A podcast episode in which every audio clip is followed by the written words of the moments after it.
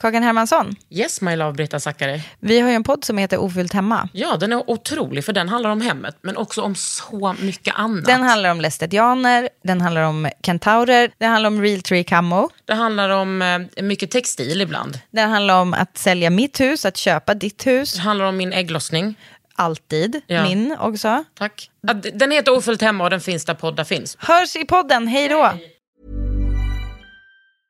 Many of us have those stubborn pounds that seem impossible to lose, no matter how good we eat or how hard we work out. My solution is PlushCare. PlushCare is a leading telehealth provider with doctors who are there for you day and night to partner with you in your weight loss journey. They can prescribe FDA-approved weight loss medications like Wagovi and Zepbound for those who qualify. Plus, they accept most insurance plans. To get started, visit plushcare.com slash weight loss. That's plushcare.com slash weight loss.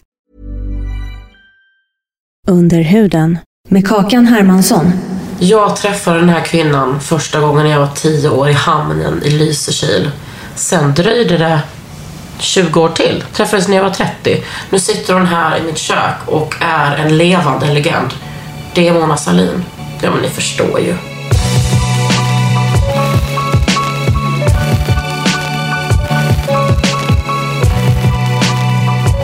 Men för jag tänkte det när jag, när jag läste din bok.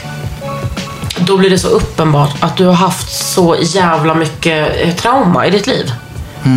Det är inte bara typ alla dödshot och sådär. Utan du har, du har förlorat så många människor. Ja. Jo, det har jag verkligen. Kanske inte är så kul att börja en intervju med detta. Men det är också bara what came to my mind. Ja, men det är också så att mä- människor som verkligen betyder något för en, när de försvinner så blir ju det ett minne som bara bor i kroppen. De, det låter så töntigt ibland, men det här, de bor verkligen i en. De är med. Och alla de där dödsfallen har ju fått en att fundera så mycket med om vad som är viktigt och inte. Och, ja, som också låter så töntigt för en del. Men det Men det kanske så. låter töntigt för de som inte har varit med. Jag har också förlorat många människor omkring mig. Alltså från att jag var ganska ung. Eh, och då så... Alla de där klyschorna blir ju typ sanna. Men de blir ju det. Det där fåniga som jag avskydde innan. Fånga dagen. Så här, ah, så här töntigt som alla skulle tatuera in sig. Men när man vaknar en morgon och plötsligt så finns inte den bästa vännen eller sin mamma eller sin son. Då blir det verkligen att, men vadå, dagen, att sitta här med dig nu, det är viktigt. Inte för att jag tror att någon av oss försvinner imorgon, men att varje stund är någonting att ta med sig. Framförallt då Anna och min son och Rickard och mamma och pappa. Det är verkligen viktiga personer för mig som betydde så oerhört mycket medan de levde. Och därför så betyder de mycket idag med. Mm. Hur gammal var du när din son gick bort? Då var jag 30, 30 år. Var jag. Ja. Men För att men jag tänk, hur fan, hur, hur har det gått vidare efter det? Hur gjorde du det? Nej, alltså det beror på. Då får man lite fråga sig, vad då gått vidare? Ja. Det är som om att då, då slutar man sörja, då blir man Nej. glad igen. Nej. Nej. Det är snarare att eh, hade jag inte haft två barn, jag hade ju Ann-Sofie och Jenny, eller vi hade två barn. Så var ju de skälet till att man i början överhuvudtaget överlevde. Men det dröjde länge innan jag kände att, att jag levde. Så Johan som han hette, det, hans liv är som ett blåmärke. Som jag gärna trycker på ibland. Därför att han betydde så himla mycket. Och hur gammal var han? Var han ett, typ? Han var ett år. ja. Lilla älskling. Ja. Vad hände med honom? Ja, alltså han, han var så himla god och glad och rund och knubbig och skrattade åt allt. Och vi hade en sån fantastisk sommar. Han älskade att sitta och gunga och titta upp i träden. Och sen blev han förkyld och sen dog han. Och det visade sig att han hade ett, ett för stort hjärta. Hjärtat växte för fort. Så även om man hade kunnat operera, vilket man inte hade kunnat, så hade sjukdomen gjort att också det nya hjärtat. Så i alla fall så fick ju han och vi ett år som var så himla glada och fina. Hade jag vetat om att han var döende hela tiden Ja, så hade ju inte hans lilla liv blivit så fint. Nej. Så, så min dotter Jenny, hon sa när vi skulle förklara vad som hade hänt och så, vad var hon då? Då var hon sex, fem år. Då sa hon, men mamma varför blev Johan gammal så fort? Mm. Hon hade ju lärt sig det, att man, man föds och så lever man. Och så när man är gammal dör man. Ja. Och det där vart så fint på något vis. Att, ja, en del liv blir 80 år, ja, en del liv blir ett år. Men det var hans liv. Nej, men jag tänker för att de, många människor kanske lever... Man lever sitt liv och... Jag har ju vänner som aldrig har varit med om trauma alls och sen så har man ju... jag som stöter på det tidigt, men man har kanske några sådana i sitt liv. Men du har ju haft så många. Ja. Har du gått mycket traumaterapi? Nej, det har jag inte gjort. Men eh, det har ju gjort också att man, eller jag känner att jag har fått en blick också för, för andra människor som har det tufft, som har det jobbigt, som bär på något som de inte riktigt berättar. Eh, så det känns som att de där traumorna jag har gått igenom också öppnat liksom ett fönster in i min, min själ. Att jag har blivit allt mindre fördömande, allt mindre otålig. Eh, ja, och tycker om människor oavsett vad de har varit med om. Mm. Men har, tycker du att det har hjälpt dig liksom i... För dig att bli en bättre politiker? Det vet jag inte. Ibland känner jag att det har blivit svårare att vara politiker. Eh, Jag, med åren så fick man svårare att, att stå ut med lögner eller Ja. klarade inte riktigt att vara sådär halvsann. Eh, eh, För det är ju någonting i politiken att man ska helst inte vara råärlig för då skapar det frågeställningar och, som inte alltid politiken vill handla om. Man ska inte vara sådär transparent. Nej, man ska göra skillnad på, på sak och person heter det hela tiden. Men för mig är ju personen är ju det som, som är saken. Ja, men jag tänker också speciellt när man är kvinna i offentligheten, då blir man ju verkligen sin person i allting. Ja, Då går det inte att separera. nej. Även om man kanske vill. Eh, Det beror på vad du menar med man, man vill ju inte separera vem man är. Nej, Men men- det blir tjatigt också. Fy det här, liksom, det hur, hur är det att vara kvinna inom politiken? Mm. Men säga, vad fan, jag, jag har aldrig varit man i politiken. Nej. Jag är kvinna. Fråga mig hur det. Mm. är att vara politiker istället. Så ibland så står ju liksom kvinnan i vägen. Um, om jag till exempel, som jag kände när jag blev partiledare, för då ha- hamnade jag i klimakteriet. Åh fy fan. Ja, och mitt i partiledardebatter så kunde man ju känna de här, åh nej, nej, nu kommer den här, nu kommer den här Vallningen. Åh nej, nej. Och jag hade det där att jag blev så här illröd på halsen. Och det var så hopplöst jobbigt. Så jag sa, kan jag inte få berätta om, liksom, hallå, jag är inte, jag ljuger inte, det är inte Nej, det man... eller jag tycker inte att det här är jobbigt. Nej, exakt. Jag tycker det är kul att debattera med dig, Reinfeldt. Det är inte där. Men då så sa ju många inom liksom mitt eget gäng med att nej, nej, nej, nej, men det kan du inte prata om. Då är det som om du skyller på att du är kvinna. precis. Men det måste ju ha blivit lite förändring på sånt nu. Ja, jo, det har det väl. Men det här är ju inte, det är bara drygt tio år sedan. Det är liksom inte på 1800-talet. Nej. Men eh, ja, det, visst har det blivit bättre i någon mening. Rakare, ärligare. Nu syns ju inte din podd att du gjorde sådana här citattecken. Ja, ursäkta, Men, radion. Ja. Men eh, det är ju inte så att det fortfarande är utan fördomar och utan Nej. sexism och utan att kvinnors frågor liksom alltid på något märkligt sätt hamnar längre bak. Eh, Nej, och sen är det ju också...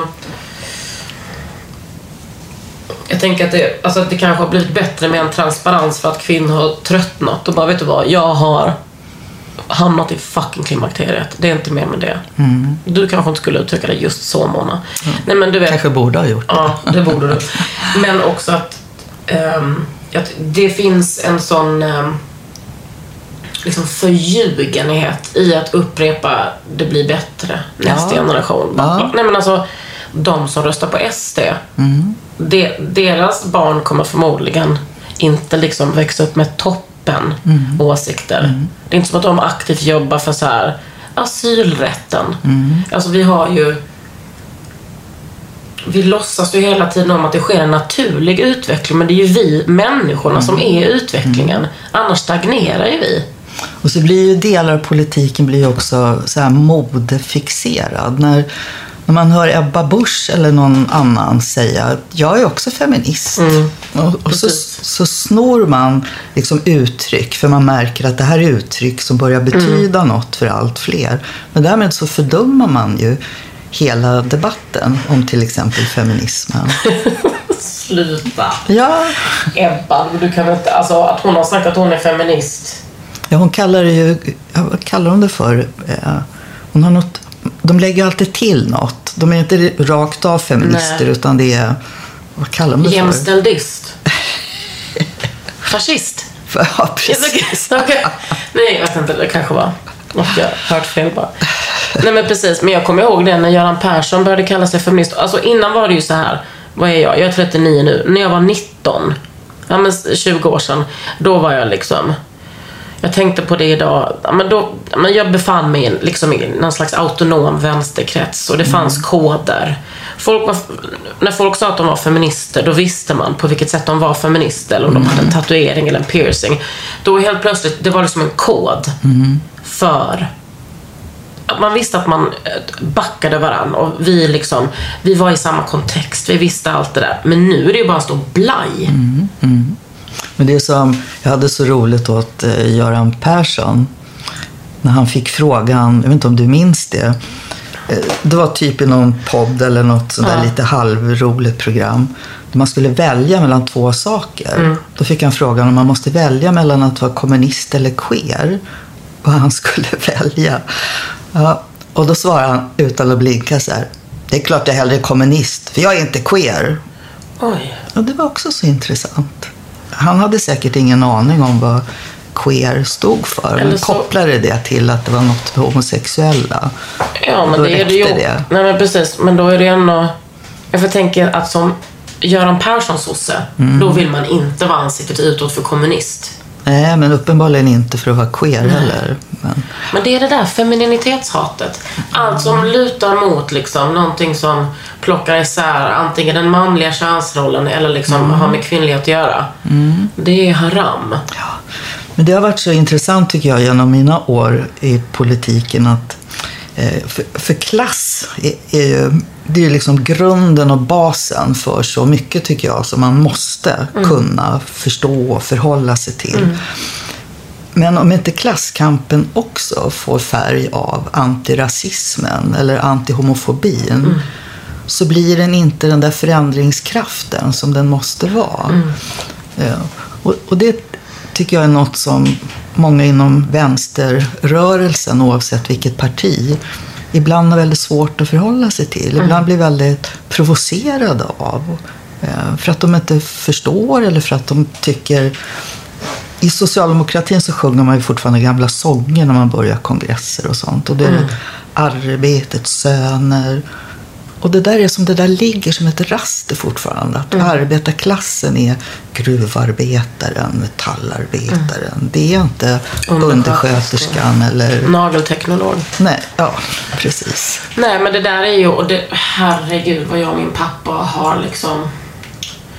Har ni grälat om det? Men ja? om vi har grälat Mona. Alltså, ja men jag har också, sen när jag blev äldre så kunde jag ju du vet, ta ett steg tillbaks och se att min pappa hade övat. Han hade tillåtit mig att öva på att liksom eh, diskutera. Att liksom hela tiden provocera mig. Men han gjorde ju också det bara för att det var han.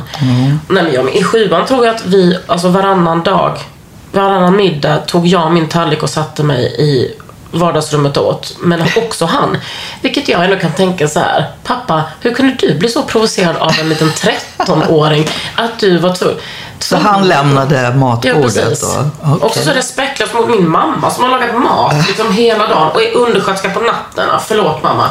Men vad var det ni bråkade mest Vi, om? nej men vi, vi bråkade, som jag minns det, nu är det länge sedan, men vi bråkade mycket om ideologi.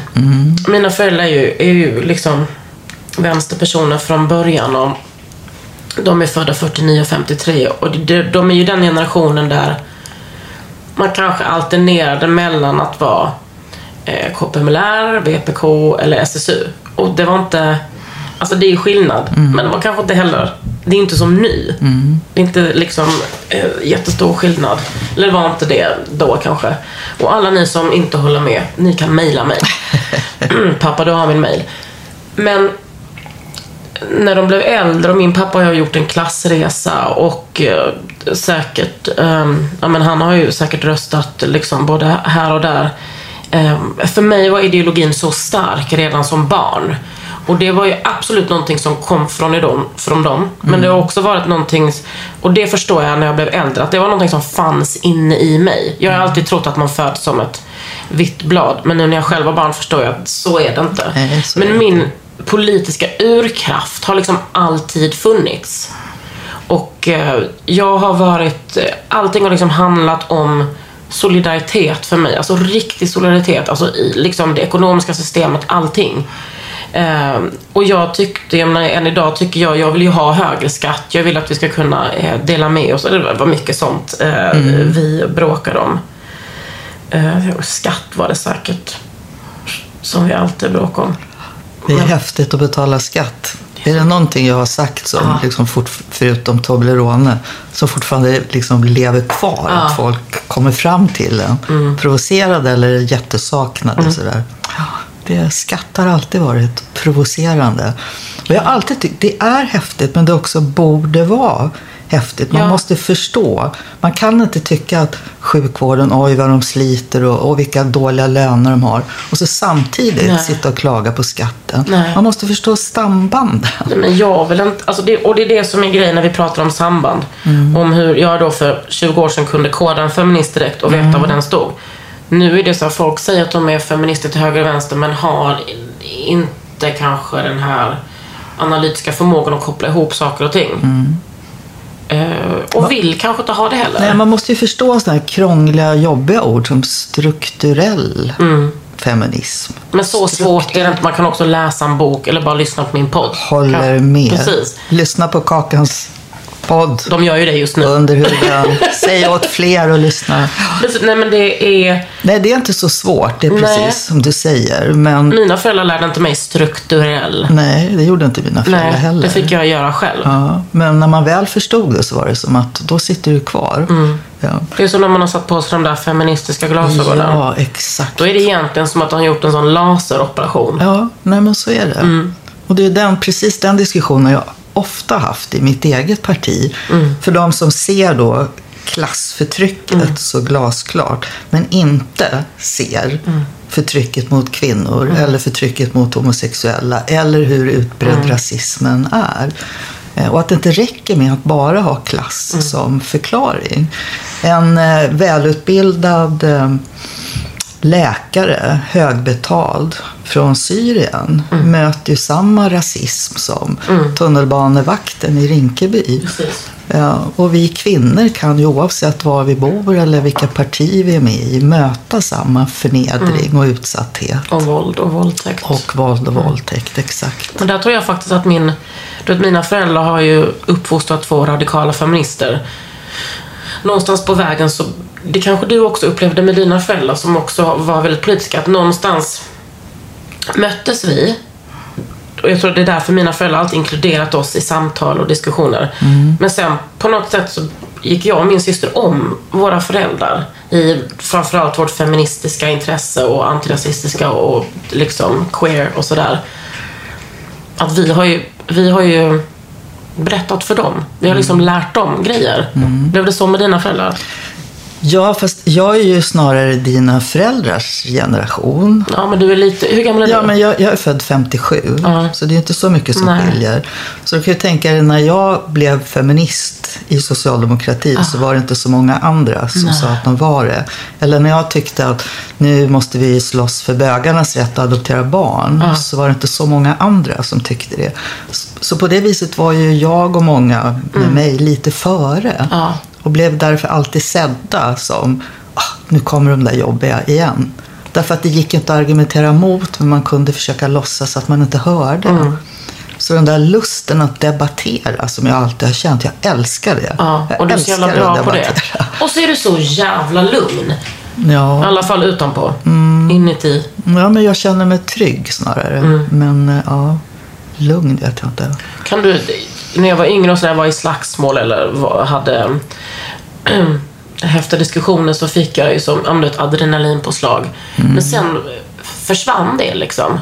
Kan, kan du få det ibland fortfarande när det kommer till debatter? Adrenalinpåslag? Ja. Ja. men jag har också den där... äh, När saker och ting är helt kaotiska runt mig, när det liksom är kriser i regeringen eller vad det nu kan vara, då blir jag kolugn. Ja. Eh, Det, det är någonting i mig som gör att man, jag ser klarare ju stökigt och bökigt det är runt omkring en. Och jag vet inte riktigt var det kommer ifrån Nej. eller varför. Men det har alltid varit så. Hur har din, alltså du blev feminist så ung. Jag menar, jag kan tycka att jag blev feminist alldeles för ung. Det fanns ingen för mig att prata med när jag var ung. Ingen. Alltså jag var helt ensam. Jag var tio år. Försökte liksom, du vet, vara vänsterintresserad. Jag kommer min lärare sa till mig, Maud, en stjärna. För jag bara, jag är kommunist. Hon bara, men Karin, tror du liksom att Lenin och Stalin, tror du att de liksom tänkte på kvinnors rättigheter? Jag bara, nej, kanske de inte gjorde. Nej. Men jag var så, hur var det för dig att vara feminist också så högt uppsatt som en liksom politiker? Ehm, Jag kommer hela tiden tillbaks till den här hur man eh, definierar sig själv och sin ideologi. Ehm, Och m- min generation så var det ju väldigt mycket det som hände utanför Sverige som var liksom nyckeln till det här brinnande engagemanget. Det var ju verkligen, det var Vietnamkriget, det var kuppen i Chile och vilket många glömmer bort att på den tiden så var ju både Grekland, Spanien och Portugal var ju grymma militärdiktaturer mitt i det här Europa. Men så var det också sandinisterna. Och man var ju så, man kämpade ju så, man gick alla de här demonstrationstågen, man lärde sig allt möjligt. Och sen kom de äntligen till makten. Ja, sandinisterna! Och så är det den värsta jävla abortlagstiftning som finns i hela världen. Det var så för några år sedan. Och den där chocken som liksom, vänta, vadå, hallå bröder, men vi är systrar? Nej, så snuvad på konfekten. Ja, och det var ju det som, framförallt det som gjorde att, att jag och mina kompisar på allvar började tänka runt. Det räcker inte att bara prata om solidaritet i allmänna termer. Man måste prata om vilka och varför och hur och när. Och så måste det vara kamp för alla. Men hur sågs ni som feminister liksom inom partiet? Ehm, jättejobbiga. Och Det var ju också så i början på 90-talet, det som skyndade på utvecklingen inom socialdemokratin för mig och min generation. Ju när vi förlorade valet 91 Ja. så kom ju både Ny Demokrati och Alf Svensson in i riksdagen. Och det blev ju en total majoritet för män och mörkbruna åsikter och kamp mot partnerskap. Eh, Det var vårdnadsbidrag. Ja. Sen när valet kom 94 Innan det så hade vi ju haft jättemycket snack med Ingvar Carlsson som ofta är en bortglömd person i de här frågorna. Jag får gåshud. Alltså, Ja. vet du vad Ingvar, jag älskar Ja, honom. ja. Jag har också skrivit brev till honom. Ja, hoppas du fick svar. Men självklart. Ja, men fin är fin är Ingvar. Och han fattar ju det här när vi... För då började stödstrumporna jobba. Man började äntligen få liksom ett tryck också eh, utifrån på oss i partiet. Och vi sa, nej men nu har vi ju världens chans Ingvar. Nu, nu, nu måste vi. Ja, vad ska vi göra? Varann, du ska lova att vi ska vara varannan kvinna i regeringen. Det fanns ingen annat land någonstans som hade det. Och vi måste ha varannan damernas på listorna. Och så blev det. Och det, var ju radikalt då. Ja, det var jätterad. Det var ju första, första gången. som Och det här är något 90-talet? parti- Då är det 93. ja. Och sen då när valet kom 94 så åkte ju då Ny Demokrati ut. Eh, alltså alltså nästan. De fick 4,1 tror jag procent. Men så kom Miljöpartiet in. Och det gjorde ju att hela den politiska dagordningen liksom började skifta ordentligt. Precis, för på den tiden var Miljöpartiet liksom mer vänsterorienterade. Ja, det var de. Och så var de ju verkligen det gröna partiet. För de klimatfrågorna var ju lika kontroversiella som liksom feminismen eller mm, kampen mot homofobin var då. Eh, Och de gjorde ju sån himla nytta. De, jag glömmer aldrig hur kom in där i riksdagen med sådana här sambatåg. De hade samlat på sig, du vet, tutor och trummor och grejer. Och det var så häftigt. Istället för Bert och Ian som också stod med musik på ba- ölbackarna. Så, det. ja. Du- Bara det är ett trauma i sig, Mona. men kan du att tänka uppleva de två gubbarna. Ja, men 1991. Jag kom in i regeringen 1990. Så första valdebatten 91 innan valet så ville Ingvar att jag skulle vara med. Så det var han och jag som satt där. Och det var ju så stort och jag var så himla stolt men helt jättenervös. Men i alla fall, så man går in och sätter sig och så bredvid mig sitter Ingvar och på andra sidan så har Ian Wachtmeister sin plats. Och när han kommer in så har han med sig en stor väska som han placerar under bordet mellan oss. Och jag kikar ner och då ligger du vet maracas, trianglar. Men nu vart ju debatten sån att han plockade inte upp något. Nej. Eh, Men det var, ja, det var ju då jag sa det där med till Olof Johansson att försök inte gömma dig bakom mina kjolar för de är så korta ändå. Och det var ju lite det där att, ja men säg det du verkligen känner för i stunden. För det är alltid det som är det ärliga och det är ofta det bästa. Och det var mycket den gången som verkligen, ja, jag lärde mig det. Lita på dig själv Mona. Säg det. Om du liksom får skit för att du är kvinna, använd det då. Men du hade också liksom ett... Ja, du har ju också det i viss mån nu antar jag, men att du hade då liksom ett sånt fett kvinnligt nätverk. Absolut. Det har jag ju fortfarande. Det är ju det som ja, har fått mig att överleva på något vis. För när vi pratar traumer så är det, ibland har det ju varit ja, de så kallade dreven också som framförallt nu på slutet som ja, skapade väldiga sår inombords. Och De är hemska. Ja, de är Man hemska. fattar. Alltså, om man inte är en offentlig person som har varit i ett drev och är kvinna. Alltså, det är det mest tärande Ja, för ens själ, tycker jag. ja, det är ju det. Det är så- för att det är så okontrollerat. Ja, och, och liksom ju längre drev pågår så kommer ju drevet längre och längre bort ifrån vad det från början handlade om. Ja, För jag menar- Om jag gör en idiotisk felaktig sak, Mm. ja, då ska jag få skit för det. Och jag får förklara det. Mm. Och jag kan behöva avgå för det.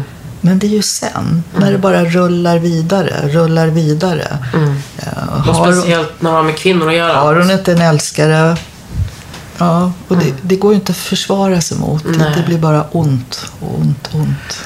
Och sen kan män hålla på och köpa sex och misshandla. Det blir liksom inga... Nej, eller hur? Mm. Jag bara ser Paolo Roberto framför mig nu. Han står med tummen upp. Ja. Så här, nu mår jag bra igen. Precis. Ja.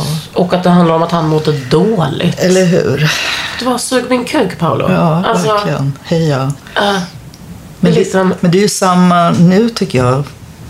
Alla de, alltså, debatten om gängkriminaliteten, Mm. den är himla viktig. Men den får man ju också vara lite försiktig med. Så att det inte blir som jag tycker fler och fler uppfattar nu. Att när kvinnor blir mördade Mm. i sina relationer så ska det liksom till så mycket för att det ska vara samma upprördhet. Mm. Och upprördheten finns ju där, men jag menar högst upp i politiken att justitieministrarnas debatter handlar om det här Mm. istället för nu i fyra, fem år om gängkriminalitet. Så man ändå inte tar på det allvar man Nej, borde så göra. tycker jag också att på ett sätt så, det här med att kvinnor blir ihjälslagna, det kan många kvinnor relatera till, rädsla och sådär. Men när det kommer till gängkriminalitet, där tror jag många sätter på sig skygglappar för att det händer, liksom många svennar inom citationstecken, det händer i orten, det skulle aldrig kunna hända mig och de som dör är ändå kriminella. Men jag har ju, en av mina bästa vänner har ju förlorat sin son på det sättet. Ja. Alltså, Ja, det, det finns som, mammor och pappor och syskon och kompisar. Det är inte... nej. Och en del av de här skjutningarna gjorde mig så fruktansvärt provocerad. För då stod det i tidningen att offret var en oskyldig. Nej men snälla. Ja. Ja, men det blir också så som om, om man skjuter ihjäl en som är kriminell så är inte det en son, en brorsa. ehm, som om då har man förlorat en del av sitt människovärde. Men all kriminalitet och debatten om det idag handlar ju om det repressiva. När jag växte upp i politiken, då var hela diskussionen också om det förebyggande. Precis. Men det är ju så, jag menar vi har ju, alltså för varje dag som går blir vi ju ett mer neoliberalt samhälle. Det är klart att man pratar om repressalier. Istället för att ta ansvar. Nej, vi kan, då har inte vi lyckats med integrationen. Om det ser ut så här i orten. Ja, men verkligen. Och det är vårt fel. Det, det viktigaste... Inte lika mycket mitt som ditt kanske, Mona. Okej då.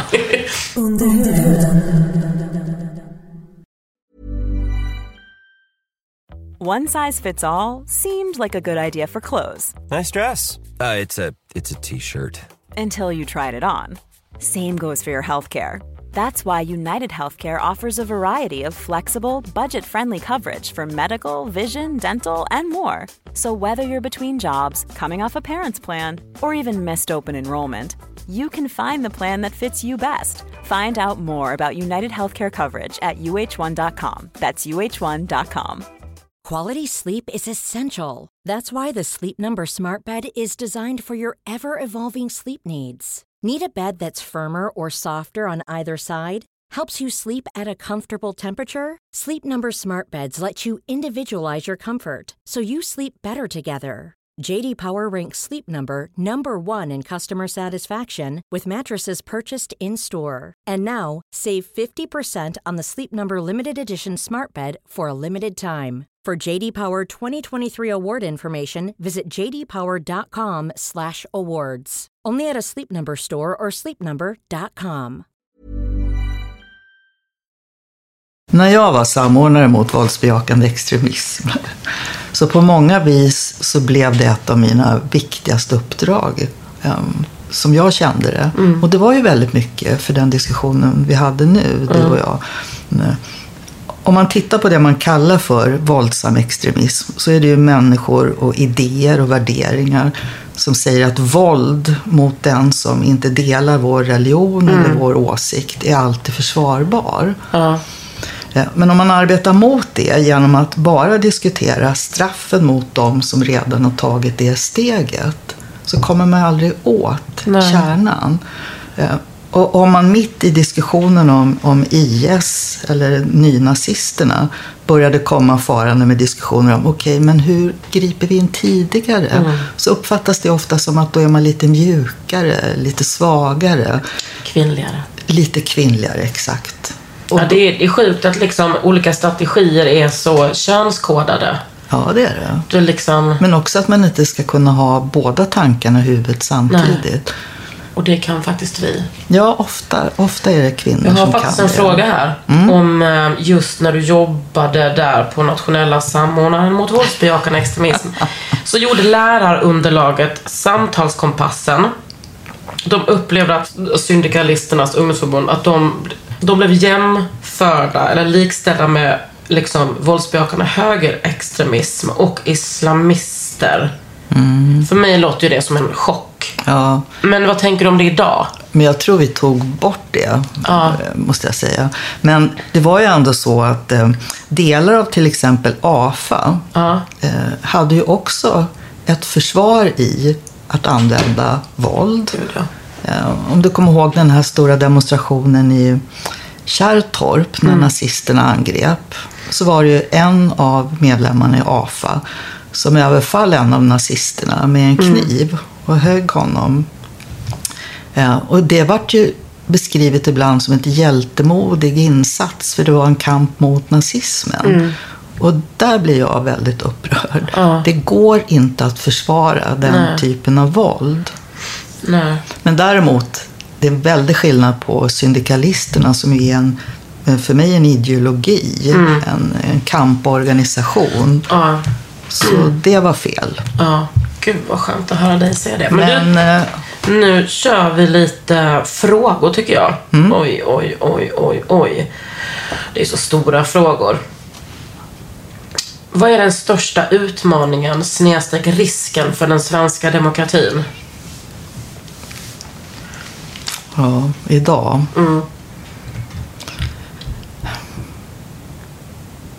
Jag tycker nog det är eh, flatheten mot ytterligheter. Om man ser eh, tiden som har gått sedan Sverigedemokraterna liksom bildades från Bevara Sverige svenskt till den plats de har idag. Eh, så tycker jag nog faran är inte främst den utveckling de har gjort, utan den anpassning. Normaliseringen. Ja, exakt. Exakt detta formulerade jag i mitt huvud. Ja. Hallå, har du druckit ditt kaffe? Ja, jag har druckit. Hallå, du måste ta, en, ta den fina chokladen, alltså den marmorerade. Är den fin? Ja. Nu behöver jag lite socker. Den är typ för vacker för att äta. Jag vet. Nej. Den var god. Då. Var din också god? Ja, men den där... Jag har en lyssnare som hatar när jag jag smaskar. Mhm. Men vet du vad? Det här är min podd. Jag får väl göra lite som jag vill. Ja, men, Nej, men normaliseringen av... Vi tar Sverigedemokraterna som ändå utgångspunkt. För den säger ju någonting om att om politiken och demokratin ger upp sin tro på att man faktiskt kan påverka och förändra människors tankar, då har man ju gett upp hela sin plats i tillvaron. så. Alltså, Om ett parti går till val och säger så här, nej men vi kan inte driva den frågan för då förlorar vi nog valet. Ja. Då måste man ibland säga, ja, då får det bli så. Ja. Vissa saker kan man inte kompromissa med. Ehm, och jag är så väldigt stolt över den tiden när socialdemokratin till slut var med och drev frågan om homosexuellas rätt till att gifta sig, till att eh, adoptera barn. För det var ju en tid när verkligen våra väljare inte tyckte så. nej, för jag menar, det är klart att så, på, på många sätt är ju liksom socialdemokratin, förstår mig rätt, konservativ. Ja, Alltså konservativ på det sättet att jag menar ibland att liksom socialdemokratin har pacificerat människor. Att så, år in och år ut så röstade man på det. Det var tryggt. Och sen hände det grejer. Då visste man liksom inte riktigt. Internt så kallar vi det ibland så lite föraktfullt för hästväljarna. Eller det var någon tidning som skrev om det som att vad vi än gjorde inom socialdemokratin så fanns det alltid typ 40 procent av väljarna som röstade på oss. Och det där gjorde ju också att det blev en det blev en anledning för många att skippa debatter internt. Och det är därför jag, många tycker att jag fastnade för mycket i frågor om rasismen och feminismen och så. Men för mig var ju det liksom, Fan tyckte Det är ju helt jo, sjukt. men det måste du tjata om det där. Måste du komma och tjata, åh, nu kommer många, okej, nu kommer de där, nu blir det bögar och rasister igen. Ja. Men ju mer jag mötte det, ju mer övertygad blev ju jag och många med mig att det där, det där som skaver, det är där vi måste fortsätta att skava. Gud ja. Och liksom, det är klart man blir ju lite trött på sig själv också. Men Ja, fy fan vad man har tjatat genom åren. Man kan, och sen så känner man ju ibland, nej men jag vill ge upp. Och så gör man det 30 sekunder kanske. Och sen är man tillbaka igen. Sen är man tillbaks. Eller, Alltså det är många här, jag har bett om frågor, många som avgudar dig Mona. Och det tycker jag är så himla fint med, alltså i mina kretsar. Vi är ju eh, långt åt vänster, många av oss. Och alla avgudar dig. Ja, jag blev... eh, Jag hade inte överlevt om man inte kände det där för att när jag pratar om hat och hot som man möter så är ju inte det främst på nätet. Nej. Eftersom jag har varit med så länge. Så att det har handlat om det man möter själv. Det är de där orden och spottloskorna som man får själv. Och om det inte hade varit så att man också hade känt så starkt den kärleken som många vill visa så hade inte jag, vet jag inte om man hade orkat. Nej. När du berättar om att när du satt bredvid en vaktmästare, han kom med sin väska. Det första jag tänker är ju bomb eller vapen. Jag är så observant på sånt, alltid. Alltid kolla liksom vad folk håller på med och liksom vad de kollar på. Alltså att man är så skadad av det där. Och jag är inte ens en liksom, liten procent av det du har levt. För mitt har verkligen varit så liksom nät, eller sociala medier baserat. Ja, men det är ju för jävligt. Jag, Jag menar inte att Jag menar, jag har ju också... det. Nej, jag vet, men jag har ju också en sån... Jag tyckte att du vet, för något år sedan så, gjordes det, skrevs mycket och det, SVT gjorde något program om hat och hot. Det gick inflation i det här. Och nu tror jag att folk säger, oh vad jobbigt med hat och hot. Men alltså, det här är ju saker som på, alltså som förändrar våra liv. Alltså, kolla på Anna Lind. Det var ju liksom, det är ju det. Förändra, alltså ta livet av, och ta livet av lusten och rädslan också för ens familj så mycket. Ja. Men jag, alltså, nu, för att återgå till det du sa om liksom hotet för demokratin, alltså flatheten och eh, normaliseringen. Jag sa ju upp mig från Sveriges Radio, kanske 2012, 13 på grund av detta. Och då fick vi först direktiv om att man fick säga att Sverigedemokraterna var ett rasistiskt parti.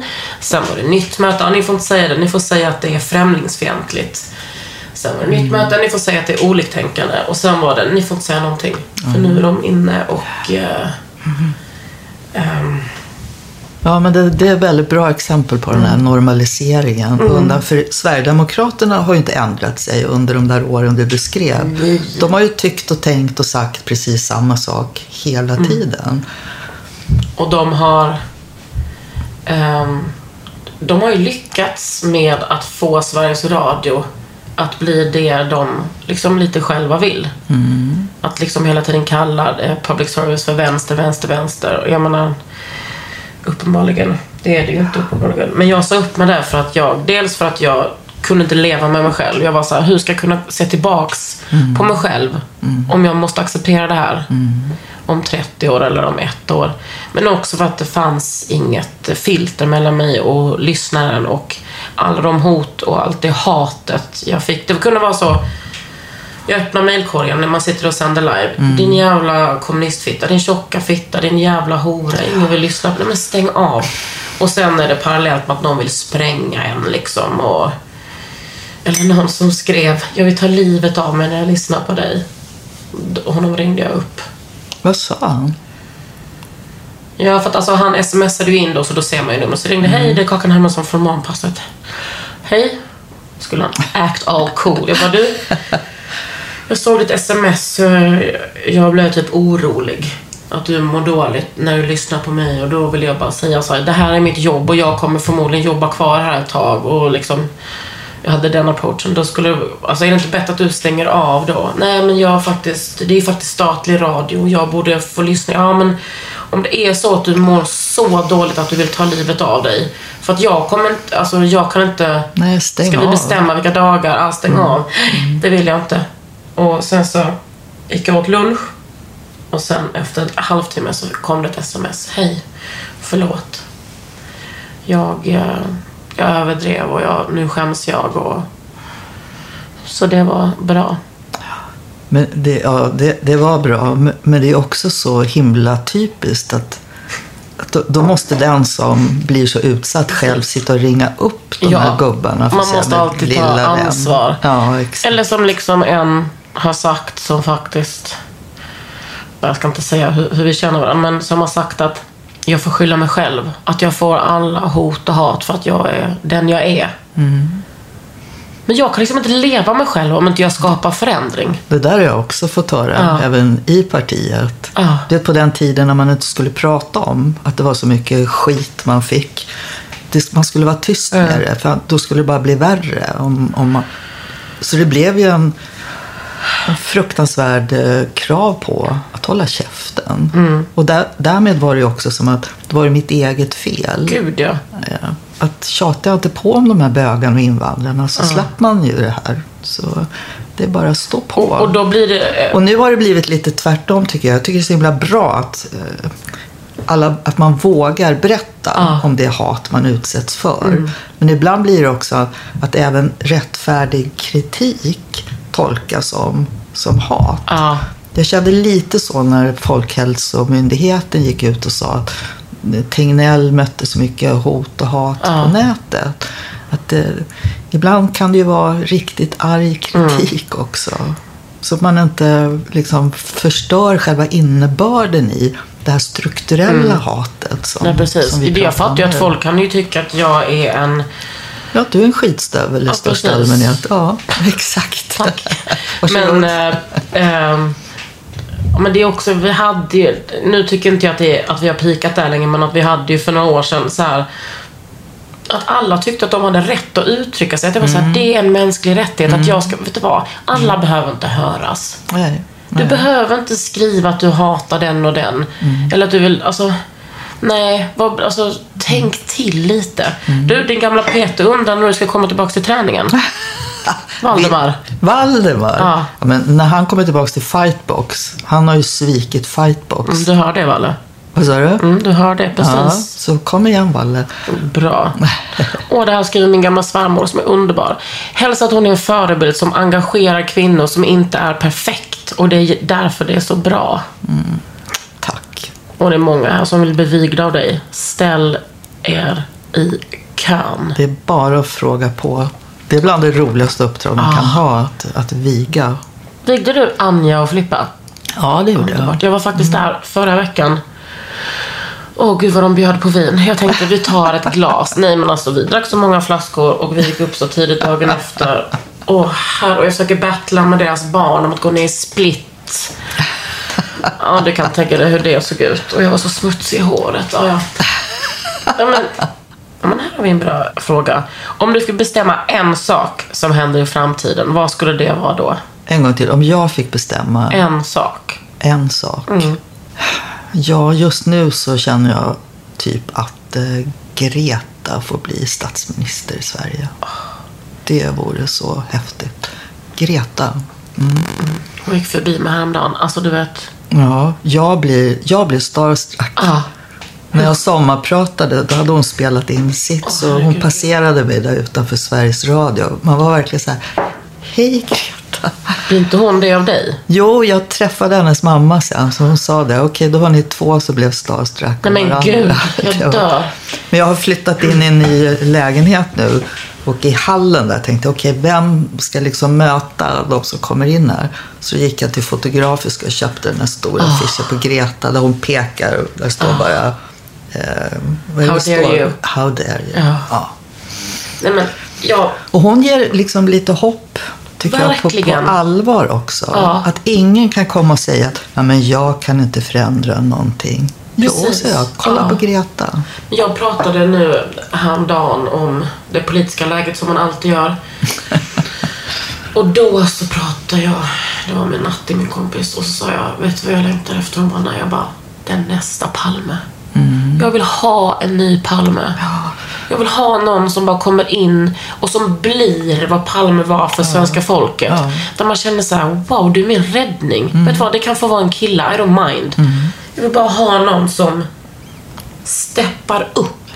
Jag håller med. Det, det är liksom, när man tittar tillbaka så här, vilka personer man har mött som verkligen än idag bara skapar liksom, goosebumps på hela mig. Så är det han, Palme, och så är det Mandela och så är det Greta. Och man kan ju fundera på vad det är de har gemensamt. Det där att göra det många säger är omöjligt. Och, och där de verkligen i sig, genom att de trodde på någonting som andra sa var omöjligt, gjorde de så otroligt viktiga. Så det är ju liksom, Palme är ju... Jag brukar ofta säga att jag gick inte med i sossarna, jag gick med i Palme. Hade inte han funnits där då, vet, det är ju 70-talet vi pratar om nu, när han gick där som första västliga ledare någonsin i demonstrationståg tillsammans med Nordvietnams ambassadör. Alltså det är så stort. Det är helt sjukt. Och det han sa om Chile och satans mördare. Och då kan man liksom bara rada på. Där säkert väldigt många i partiet också då sa, måste du ta i så mycket? Men det gjorde han. Och nu har vi något som är helt precis tvärtom. Om jag får säga så. Om vår... Ibland tänker jag så här, du behöver inte kommentera det här Mona, men ibland tänker jag så här. Åh, vänta, vem är det nu som är vår statsminister? Så måste jag tänka lite. Och så vill jag faktiskt inte ha det. Men jag vill å andra sidan inte ha, ja, det är den där personen. Det är Jimmy Åkesson eller det är Ulf. Åh gud, tala inte ens till mig. Alltså hur kan... Nej men Ebba, alltså det går inte. Men jag tycker Ulf ska liksom aldrig någonsin få slippa undan. Alltså Ulf Kristersson, Ja. ursäkta, jag är inte Ulf honom. Ulf. Kristersson. Jag är Greta med Greta, men Jag med. Ulf Kristersson och Jimmy Åkesson. Nej, men när han stod och tittade Heidi Frid i ögonen och sen bara totalt gör tvärtom. Han ska aldrig någonsin få glömma det, Kakan. Aldrig. Och vet du vad?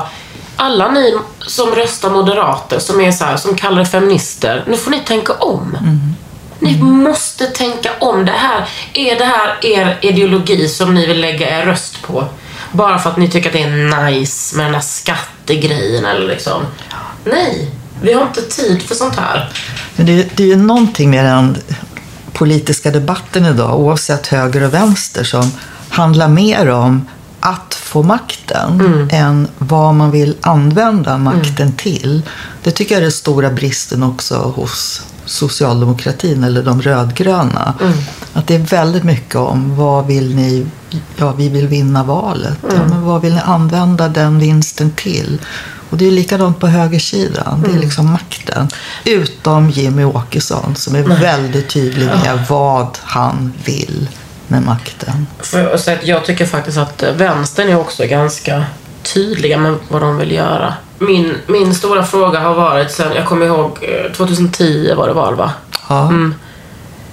Då, då var jag så arg och besviken och tänkte jag menar partipolitik har liksom inte riktigt varit min grej men där var jag ändå såhär, varför är sossarna så rädda för att prata ideologi? Är det inte sexigt? Eller vad är det, är man, tycker man att det är förlegat med att använda ord som solidaritet? Är det liksom som att, funkar inte det längre eller? Alltså jag frågade 2010, då var ju jag partiledare Ja. för Ja, Socialdemokraterna. så nu sitter vi här. Ja, nu sitter Ja. vi här. Ehm, solidaritet är fortfarande bland de finaste ord jag vet. Mm. Och jag vet att vi också använde det och Mm. byggde mycket av våra förslag runt det. Mm. Eh, Det finns ett annat uttryck som jag älskar ännu mer. Det är att av var och en efter förmåga och åt var och en efter behov. Runt det försökte jag göra socialdemokratins val 2010. Men eftersom regeringsfrågan då också byggde på nu måste vi ha en allians som står mot den borgerliga alliansen. Så blev ju det här politiska spelet också det som tog över mer och mer. Men förstår du vad jag menar? Ja, jag förstår vad du menar. Absolut. Och jag menar, vi kommer ju inte direkt närmare den alltså positioneringen av ideologi. Nej, men det är ju där Sverigedemokraterna liksom ligger som ett skavsår emellan. Man, liksom, man, kan, man kan inte bota ett skavsår lite grann, man måste bli av med det. Ja. Och, och det är ju det alla andra partier då, om man menar allvar med begreppet som att alla människor har samma värde och att det är värt att ta den fighten, så måste man göra det. Socialdemokratin vill ju aldrig regera ihop med SD. Men när man ser på förändringen av eh, flyktingpolitiken så har ju också mitt parti klivit bit för bit Gud ja. bort till den där Jimmy Åkesson tycker att det låter ganska bra. Vet. Och det är ju helt Och fruktansvärt. det är ju min stora sorg. Min riktigt, riktigt stora sorg med, med mitt parti. Är det ditt parti fortfarande? Eh, Jag har ju berättat att jag, jag är inte medlem längre. Jag betalar inte medlemsavgiften. Jag definierar mig själv som socialdemokrat. Men jag är inte partist längre. Det är mitt sätt att förklara det. Inte den som så fort socialdemokratin gör ett utspel så ställer man sig på barrikaden och försvarar det. Nej. Jag är inte det För du kan längre. inte det längre? Nej, jag kan inte det längre. Nej. Nej, Jag brukar säga att mina morföräldrar de vände sig i graven. Det tycker jag känns så hemskt. Jag kommer liksom från ett så här, mina, alltså mina morföräldrar var dödssossar. Alltså du vet, det var port, jag var ju bara fem när Palme dog. Men liksom, det var porträtt på Palme i hallen. Man stod och kollade på honom när han pratade telefon. Det var liksom, och då, då pratade jag som att min morfar var kommunist först. Och du vet, jag, det är så starkt förankrat i mig. Och jag... Eh, det är en sån jävla sorg. Men är inte sorgen just att då så kunde alla förhålla sig till, för eller emot, för man visste vad socialdemokratin genom Olof Palme, vad han ville. Och vad man stod man- för. Ja, och ideologin var så tydlig. Ja, men det är det jag menar. Så man antingen var för eller emot. Ja. Man hade något att hela tiden förhålla sig till. Ja. Och det är det jag saknar så oerhört mycket när det är flyktingfrågan framför allt. Men tror du att eh, sossarna kommer komma tillbaks till det någon gång? Till den här tydligheten? Jag vet inte. Nej. Alltså, partisystemet är ju också så, bygger väldigt mycket på en, liksom en gammal eh, regnbågsindränkt eh, syn på hur bra det var. Eh, På den tiden när socialdemokratin hade liksom en miljon medlemmar. Fastän många var kollektivanslutna och Ja, inte alls precis. själv. Och där varje valresultat under 45 procent var liksom en stor katastrof. Alla gick och handlade på Konsum, alla begravde sig i Fonus. Det var liksom det, det där socialdemokratiska starka samhället som fortfarande är liksom basen för många inne i partiet. Om man inte ser att man idag måste övertyga varje person med värderingar och inte förutsätta att ba- bara för att föräldrarna var sossar så kommer ungarna också vara det. Det är ett annat samhälle. Och ett bättre samhälle på det sättet att det kräver precis som av Greta att vad fan gör något då? Jag är så trött på alla som Åh, det är förskräckligt men det spelar ingen roll vad jag tycker. Jag vet, jag är så jävla trött på det. Säg något, gör något. Använd era plattformar. Ja. Var störiga på, f- på fi, vid fikabordet eller Zoom-mötena eller vad Ja. det nu är. Eller alla, Ja. alla som, de här som verkligen kräk, kräks ur sig eh, rasism och homofobi som du möter på nätet med. Ja. Det är som om de är fler än alla vi som Ja, tycker tvärtom. precis. Så varför har vi tillåtit dem att ockupera hela liksom, vår, vårt nät? Nej, det är helt sjukt. Och det är liksom så normaliserat. Att Ja. Det är så normaliserat att bli eh, hatad. Jag nästan liksom som en stjärna att sätta på rockslaget att jag är viktig nog för att bli hatad. Ja. Eh, Jag tror både du och jag skulle gärna slippa att få höra att man är en jävla fitta. Och dessutom blir jag så, jag blir så provocerad av att ja, jag har en fitta. Ja. Hur blev det ett sånt svärord som också tjejer använder gentemot varandra? Har inte du hört det med? Din jävla fitta. Jo, men jag brukar vända på det bara. Och det var fitt gott. Jag sa det häromdagen. Min kompis bara, du är min fyraåring herre. Jag bara, vadå det är väl underbart? Fitt god mat. Hon bara, ja kaka men det är inte, det är inte så enkelt. Nej, nej, nej. Jag Ja, men väldigt- ibland är det så enkelt. Precis, jag svär ju så sjukt mycket och det är min, åh, min pappa är så arg för det. För att vi kunde sitta typ så i På spåret, han och jag gjorde det. Han bara, svär inte. Jag bara, jag är väl liksom över 30 år gammal pappa. Du hör ju.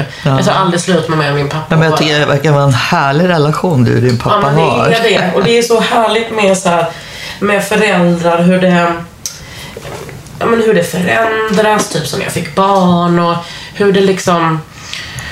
Det stagnerar liksom aldrig mellan oss. Det är, vi kan tjafsa och vi kan liksom, och vi pratar, nu har inte vi sett sen i september, men vi pratar nästan varje dag. Och det är sådär, det är coolt. Att Ja. det, det är en relation som man inte förstod när man var liten, att det sk- skulle bli någonting som man också måste jobba på. Mm, helt rätt. Och som man också känner när man själv fick barn så såg jag i alla fall på min mamma med helt Ja, andra men ögon. gud. Eller nu när jag blickar ner liksom på mina döttrar Mm. som får barn och ser hur de också tittar på mig med andra ögon. Ja. Det finns ju någonting där mellan barn och föräldrar, inte bara mellan dotter och, och mamma. Nej. Men du Mona, en sak undrar jag. Och jag förstår att det är svårt att fråga. Men alltså, förstår du vilken legendarisk person du är? Nej, jag har svårt att, att ta in det när du Men- säger det så. Men Du kan väl ändå känna lite, oj oj oj vilken, alltså, jag är ändå den som är den. Alltså tydligen, men jag kan ändå känna så här, ah, lite gott har man väl ändå gjort för typ feminismen i Sverige. Men eh, alltså jag kan vara våldsamt, våldsamt stolt över mig själv ibland. Ehm, varje gång jag viger två killar eller två tjejer och, och känner ju så otrolig glädje inombords för att jag var med och gjorde det möjligt för dem att stå här. Det. Eller ja, som nu när jag åkte tunnelbanan hit. Då stod tre killar och liksom stod och snackade och så bara vi andra och sa så här. Vad fan är det till Salin? Vad fan, du är cool tjejen. Det var också sådär man bara känner, ah, Hur gamla var de? 16, 17 Men år. gud! Det så, jag hade så lust att bara lära, men hur känner ni igen Ja. mig? Ja, det vet Är det för att jag är en legend eller? Är det därför ni, är det för att jag är en jävla drottning? Är det därför ni känner igen mig? Ja, nej men det är... Jag tycker också att det är så... Så all skit man möter, så liksom, folk som hatar mig gör ju det av rätt skäl. Så också hatet blir ju någonstans en sån här erkännande av, ja men de nazisterna, de går fortfarande med plakat och så här landsförrädare och en bild på mig när de har sina demonstrationer. Jag bara känner, fine, bra. Wow, de har, alltså folk har sån jävla hang-up på dig. Mm, jo, det har de Det verkligen. verkar så skönt att vara typ snubbe och vara politiker. Det är liksom en helt annan grej. Man kan köpa lite sex, man kan liksom... Det är något... Ja. Man kan liksom begå lite. Och på gott och på ont så heter de ju aldrig förnamn. Nej.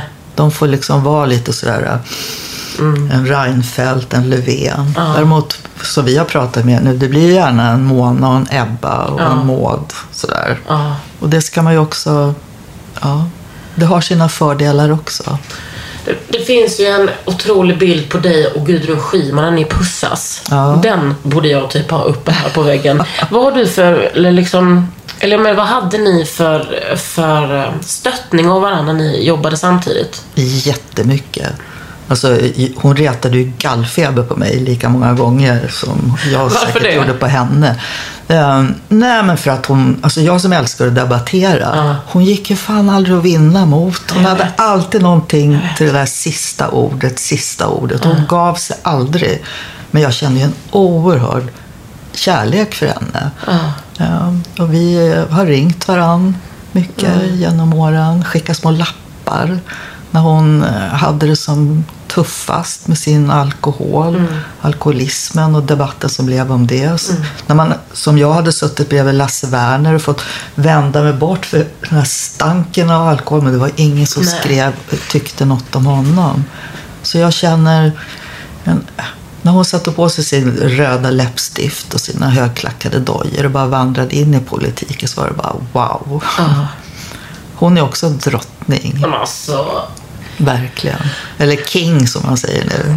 Kingen. Alltså, ja, och det är liksom ett könsneutralt ord för mig. Ja. Mm. Jag kommer ihåg första gången jag träffade henne. Det var i... Det var liksom på... Men, du vet där stan blir Gamla stan vid eh, Fredsgatan där. Massa de här... Liksom, Ja, precis stor- innan riksdagshuset. Precis, alltså, Ja. stora bilvägarna. Där såg jag henne. Jag bara, vad i helvete, där är ju Gudrun. Sprang efter henne. Jag bara, Gudrun, Gudrun.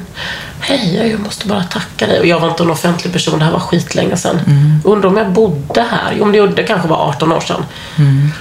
Alltså jag, bara, jag vill bara tacka dig. Du har betytt så otroligt mycket för mig och tack för allting som du har gjort. Och jag började gråta. Och hon tog min hand och så la hon den liksom på sitt bröst och sa, vet du vad? Det gjorde jag gärna. Och liksom, men som sagt, partipolitik för mig har varit så här, inte liksom, det har varit väldigt sekundärt för mig. För att liksom min ideologi har mer varit så här, anarkismen och att jobba liksom utom parlamentariskt. Men du och hon för mig har varit så här, ah, det går. Bland det roligaste såna här föreläsningsturnéer som jag har gjort i hela mitt liv. Det var typ tio föreställningar som hon och jag och Maria Wetterstrand hade tillsammans. Och som bara handlade om hur, hur vi hade bemötts som kvinnor och vad vi, vi la in i begrepp som feminismen. Ja, sån styrka. Ja, och vem var och kollade på er? Så många, inte killar, Nej, man säger så många inte men, killar. Nej, verkligen. Men, eh, men eh, det finns ju någonstans en väldig solidaritetskänsla mellan, Mm. mellan kvinnor som man vet har mött samma Mm. saker som man själv har gjort. Eh, Ebba kanske inte riktigt passar in där ändå, men Nej. en Maud Olofsson, herregud, som vi har debatterat på varandra, men också känt en väldigt stöd mellan Det är sjukt mötena. ändå. Jag kan, jag kan ju nästan känna mer, och det här kommer nog från min så här klassgrej också, men, eller min, nej det gör det inte, jag tar om det. Jag kan nästan känna mer att jag känner mig mer förankrad i Annie Lööf än en vänsterkille. Eh, sen får vi se hur det blir. Men eh, jag menar, Annie Lööf och jag har inte, vi har inte så mycket samma åsikter. Men hon är fan ändå en G ibland. Alltså, Ja, jag hon. älskar hur hon positionerar sig Ja. mot Jimmy Åkesson. Eller hur? Och, Ja. och egentligen ska inte det vara någonting som jag Nej, det säger, Premierar. nej, men det säger ju mer om hur Om samtiden typ. när hon stod i den här partiledardebatten, när hon bara vände sig om till Jimmy Åkesson och sa Men hur, hur understår du dig att uttrycka det så? Det var så himla Ja. bra. Men som sagt, jag älskar ju fortfarande Ingvar Carlsson tio gånger mer än alla Annie Lööfs. Ja. Och inte för att han är man, men också för att han är man. Ja, för att han är en fucking broder. Ja, Men verkligen. alltså, eh, idag när jag var på gymmet så sa jag, "Äh, nu ska jag hem och träffa Mona Sahlin. De bara, men gud, vad, är, vad gör hon nu? Jag bara, jag vet inte, typ återhämta sig kanske. Vad gör du? Ja, för att göra en lång historia kort. Alltså jag hamnade verkligen i en djup depression. Det är ju fyra år sedan nu. Alltså, ja, riktigt. När man liksom inte kunde finna ord, man kunde inte prata, man kunde inte sova, man orkade inte vara vaken. Jag tror alla som har varit i den kanten känner igen sig. Nu står jag ju upp och jag vågar titta folk i ögonen. Jag sitter i poddar och pratar. Men fortfarande så känns det som att jag letar efter att bli riktigt glad och riktigt hel inombords igen. Känner du som att, då för fyra år sedan, att allting kom ikapp? Ja, både allt kom ikapp men också att man eh, började ifrågasätta sig själv på ett sätt som kändes så vidrigt. Kunde stå, alltså Anna och Margot och jag, alltså Anna Lind, Margot Wallström och jag, vi hängde ihop som ler och långhalm så många år och hjälpte varandra så himla mycket. Men det var ett uttryck som Anna sa att vi måste komma ihåg. Det var att varje morgon när man borstar tänderna skulle man liksom verkligen stanna upp, titta sig själv i ögonen där i spegeln. Så skulle man fråga sig, är det värt det? Har du kul? Och det var som att när jag hamnade i det här depressionshålet så kunde jag inte riktigt svara på om det hade det varit värt det. Nu har jag hittat tillbaks till det och tycker jo, det har varit värt det. Jag har gjort så mycket jag är stolt över. Ehm, och jag vågar titta mig själv i ögonen. Men så långt nere var jag att det, det tog tid. Gymmet har hjälpt mig.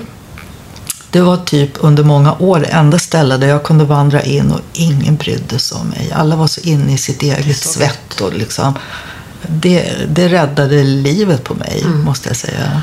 Och jag tycker det är så svårt att erkänna det, för det tycker jag är... För mig blir det nästan som en liberal grej bara. Du kan fixa dig själv. Du bryr dig inte om vad samhället gör, utan du kan verkligen ta tag i dig själv. Så får jag bara, ja, man kan ta tag i sig själv. Jag kan säkert hitta något kan man arbeta romantiskt över att gå till gymmet. Alltså ideologiskt. Men visst gör det all skillnad. Ja, och det, för mig handlar det inte om, jag visst det är bra om man bygger sin kropp och sådär, men det är någonting med den här tillåtligheten över att få vara snoret far och svettet sprutar och det är liksom, och ingen bryr sig. Man får liksom bara vara där. Och sen går man därifrån och känner sig bara så jävla ren. Mitt i svetten och snoret. Och det som det gör för skallen är ju liksom, Ja, ja det är allt. Ja, men så är det. Jag hoppas verkligen... När jag var yngre, jag prövade med några gånger då gå till såna här gym och då var ju de befolkade av såna här stora killar som bara... Det har ju hänt något med Gud, de ja. här äh, fightbox-typ ställena där det är ju tjejerna som regerar. Är Ja, liksom men är också- En och annan Valdemar, men annars är ju Ja, väldigt han, vet vad, mycket han får gärna regera för min skull. Han är Ja. så gullig. Till och med för honom försöker jag göra burpees. Han, det, han är ju sjuk och han älskar burpees. Men vem gör det? Jag har ingen Nej, men det är Den som står och skriker om det. Ja. Tio burpees! Du ser inte mig göra en enda burpees. Men mitt gym är så här. Det är nästan 80% killar. Ja. Men, och du vet första gången jag kom hit jag bara wow, det här kom, det är inte för mig. Men det är så mjukt. Jag har till och med bör- börjat brottats. Ja. Och det, Och det, är, det är mycket så här vi- vikter, Mm. eller hur? Det är så skönt. ja, helt utpumpad.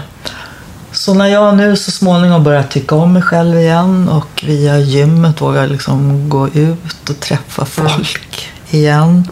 Så börjar jag också fundera över vad, vad vill jag göra när jag blir stor? Vad har jag kvar att göra?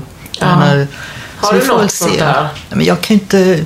jag kan ju inte tänka på mig själv utan att tänka liksom, opinionsförändringar, debatter, eh, försöka bekämpa fördomar. eh. Så vi får väl se. Man kan hitta utrymme för det utanför partipolitiken, Ja. för dit vill jag inte igen. Nej. Men eh, kan du ibland tänka att det skulle vara möjligt att separera dig från politiken och då pratar jag inte partipolitiken utan just opinionsbildning? Nej, nej. det, det, det, är en, det är jag. Det är, en, det är en del av mig. Det är verkligen så är det. Men eh, ja, jag är ju glad idag. Ja. Det kanske du ser på mig också. Även om jag ibland liksom, man letar efter hur man ska beskriva den kritik som man liksom känner inombords. Men ändå tror jag ju så mycket på de värderingar som jag alltid har känt mig så nära. Ja. De släpper man ju inte. De är en del av mig. Nej, jag vill att det ska komma fler sådana, fler Mona Sahlin. Alltså jag vill ha typ 21-åriga Mona Sahliner. Det var det finaste min dotter sa om mig i en intervju. När boken kom så blev Jenny intervjuad också. Och då sa hon att ja, det enda som är sorgligt är att min, eh, min dotter Tyra, att hon inte får se min mamma som jag fick göra när hon var som starkast. Eller vad Wow, nu sa. vilket eh, kvitto. Ja, det var verkligen. Jag blev väldigt, väldigt rörd och tänkte att nej, fan, Tyra ska nog få se något hon också. Ja, Men Tyra kommer förstå. Ja, jo. Tyra, hon, hon är så häftig för mig. Det är mitt första barnbarn. Eh, Och min mormor hette Tyra. Och hon var ju en av de kvinnor som gick och röstade för första gången när kvinnor fick rösträtt. Och alltså min mormor, det är ju bara två generationer. Och jag till Tyra, mitt barnbarn, är Ja. också bara två generationer. Och det där skapar en sån lycka inombords mig. När man tänker Ja. vad mycket man kan göra under en livstid. Man ser potentialen. Ja, och också vad farligt det är att liksom börja ifrågasätta den där vägen mot demokratin som vi pratade om. Mm. Därför att om kvinnor fick rösträtt och allt det som hände från min mormor till mig, vad kan inte Sverigedemokraterna göra på Mm. några år? Så ju mer man kan sin egen historia, ju viktigare blir ju det man gör här och nu.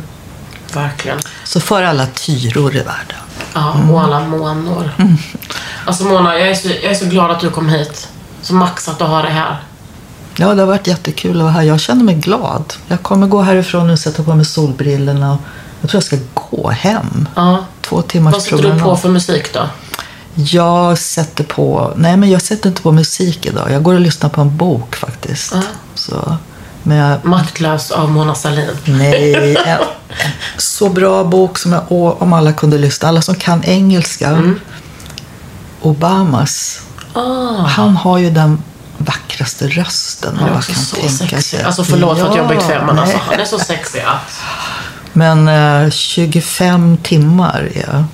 Och det här är bara hans första del av sina memoarer. Då får, han liksom, då får det gå långsamt. Ja, fyra, fyra år i hans presidenttid blev 25 timmar att lyssna på hans varma, sexiga röst. Gud. Det är ett tips. Mm, det är ett tips. Ja. Du har lyssnat på Under huden med mig, Kakan Hermansson och Mona Sahlin.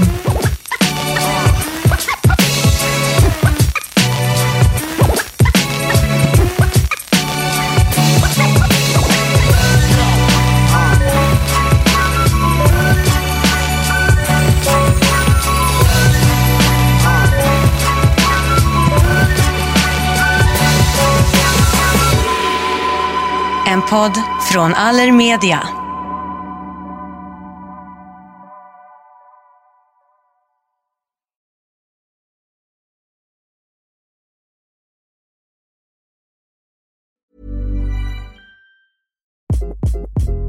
Hi, this is Craig Robinson from Ways to Win, and support for this podcast comes from Invesco QQQ. The future isn't scary, not realizing its potential, however, could be. Just like on the recruiting trail, I've seen potential come in many forms as a coach. Learn more at Invesco.com slash QQQ. Let's rethink possibility. Invesco Distributors, Inc.